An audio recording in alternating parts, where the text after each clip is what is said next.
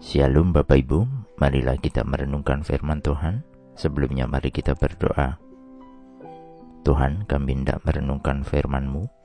Roh Kudus pimpinlah kami. Di dalam Tuhan Yesus kami berdoa. Amin. Bacaan saat ini diambil dari 2 Korintus 9 ayat 6. 2 Korintus 9 ayat 6. Camkanlah ini, orang yang menabur sedikit akan menuai sedikit juga, dan orang yang menabur banyak akan menuai banyak juga.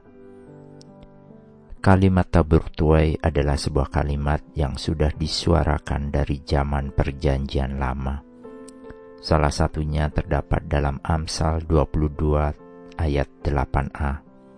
Orang yang menabur kecurangan akan menuai bencana. Kiasan menabur dan menuai tidak saja berlaku secara agraris, tetapi juga berlaku di dalam kehidupan keseharian kita.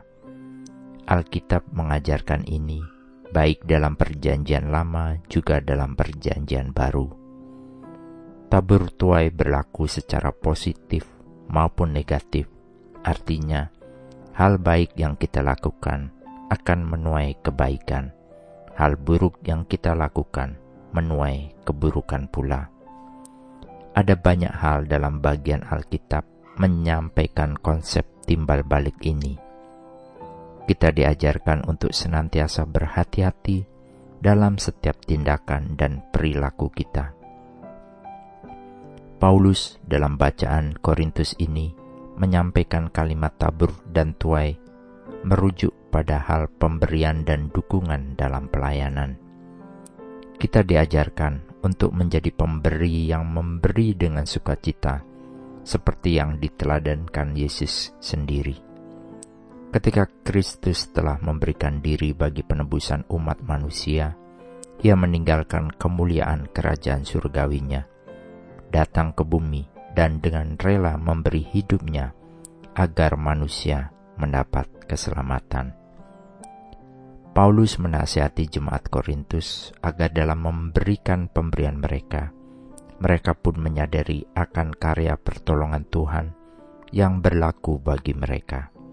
Dan karya Tuhan akan berlaku lebih besar dari apa yang mereka kerjakan, karena Tuhan telah melakukan yang lebih besar terlebih dahulu.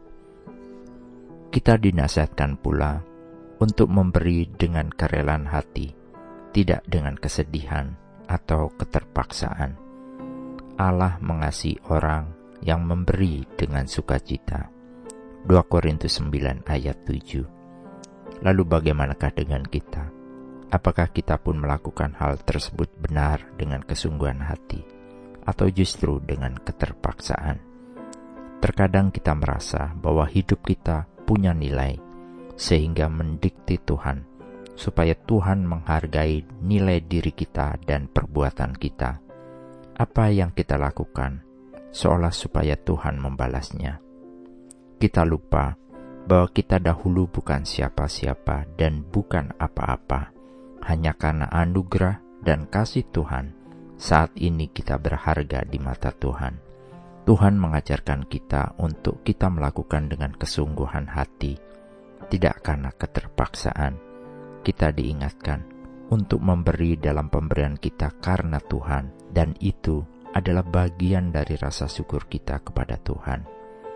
Kolose 3 ayat 23 mengingatkan, apa pun juga yang kamu perbuat, perbuatlah dengan segenap hatimu, seperti untuk Tuhan dan bukan untuk manusia.